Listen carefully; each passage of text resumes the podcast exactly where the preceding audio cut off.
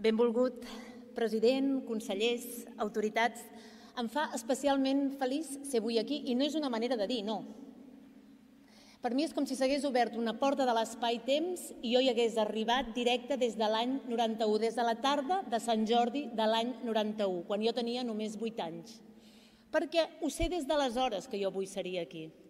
I ho sé perquè m'ho va dir una gàrgola.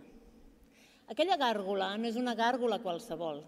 La gàrgola és el motiu pel qual jo explico històries. Aquella gàrgola també és el motiu pel qual aquella tarda de Sant Jordi jo vaig acabar precisament a les portes d'aquest palau, només tenia 8 anys, custodiada per un home amb uniforme. Però aquest és el final de la història, o gairebé el final. El principi és aquell mateix matí, quan jo a l'escola no guanyo els Jocs Florals. He fet un poema que a mi em sembla meravellós. Visca al meu carrer un poema de Roser Cabré, però no guanyo. Estic trista, desolada, i això és el que faig quan més tard, aquella mateixa tarda, baixo amb la meva mare per la Rambla, arrossegant tota la tristesa cap avall, i la meva mare per animar-me que em diu et compraré els llibres que vulguis, però jo no vull comprar-me llibres, jo em vull escriure i aquell poema no és bo. No és fins a l'alçada de plaça Reial que veig una cosa que em treu d'aquell meu ensupiment, i és que hi ha una dona asseguda, entre parades, que s'està allà amb un tamboret i una màquina d'escriure, tota sola, i només escriu, escriu, escriu sense parar. Està completament absorta, aliena a la marea de gent que baixa per la Rambla. Només de tant en tant, para un moment, obre un llibre que té al costat, llegeix unes línies, el torna a tancar i torna a escriure, escriure, escriure. Jo m'hi he anat acostant. Quan sóc prou a prop, veig que aquell llibre és de poesia. Aquella dona escriu poesia, aquella dona sí que, no, que en sap. Dec dir alguna cosa, o poder la miro, no ho sé, ella aixeca els ulls, em penso que em renyarà, però em diu, tu ets aquí per la gàrgola. I jo, quina gàrgola? Ah, la que sobrevola la ciutat, la que té cara de porc i cos de peix i cua de drac. Mira, acaba de passar, ha anat cap allà i el seu dit, aquell cap allà, és una empenta perquè jo hi vaig, surto disparada, no miro enrere, no dic res a la meva mare, surto, corro, vull veure què passa.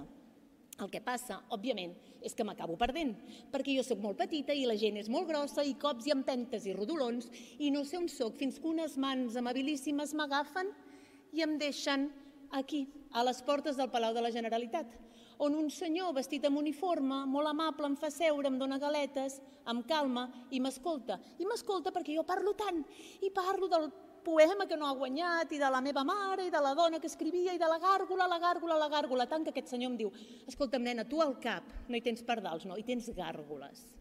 He tornat tants cops en aquella tarda de Sant Jordi, he tornat tants cops en aquella gàrgola, perquè la transcendència d'un moment difícilment la saps quan el vius, quan hi ets present.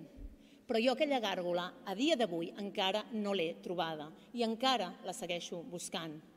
Digue-li gàrgola, digue-li afany, digue-li ganes, digue-li delit, digue-li passió, digue-li interès, digue-li voler saber, digue-li demanar-te per què, per què aquesta cosa rara, per què aquest món, per què aquesta cosa insòlita, digue-li insòlita, digue-li quimera, digue-li fantasia, digue-li novel·la, digue-li poesia, digue-li llegir, i digue-li escriure, digue-li voler entendre el món. Tantes vegades molta gent et demana oh, jo és que escric, vull ser escriptor, què haig de fer? O tantes altres, tal o tal col·lectiu no llegeix prou, què hem de fer? Mireu, jo no crec en els talents tocats dels déus, crec que escriure és un ofici, sobretot.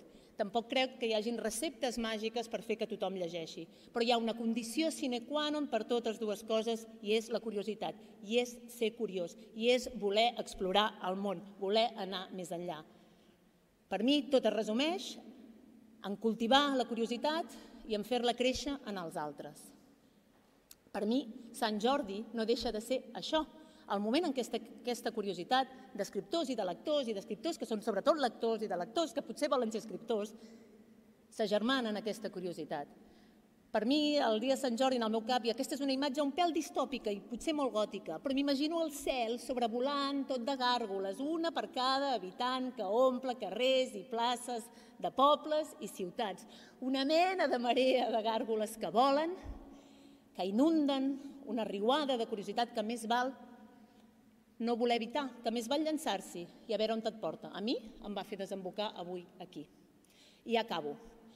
L'última curiositat.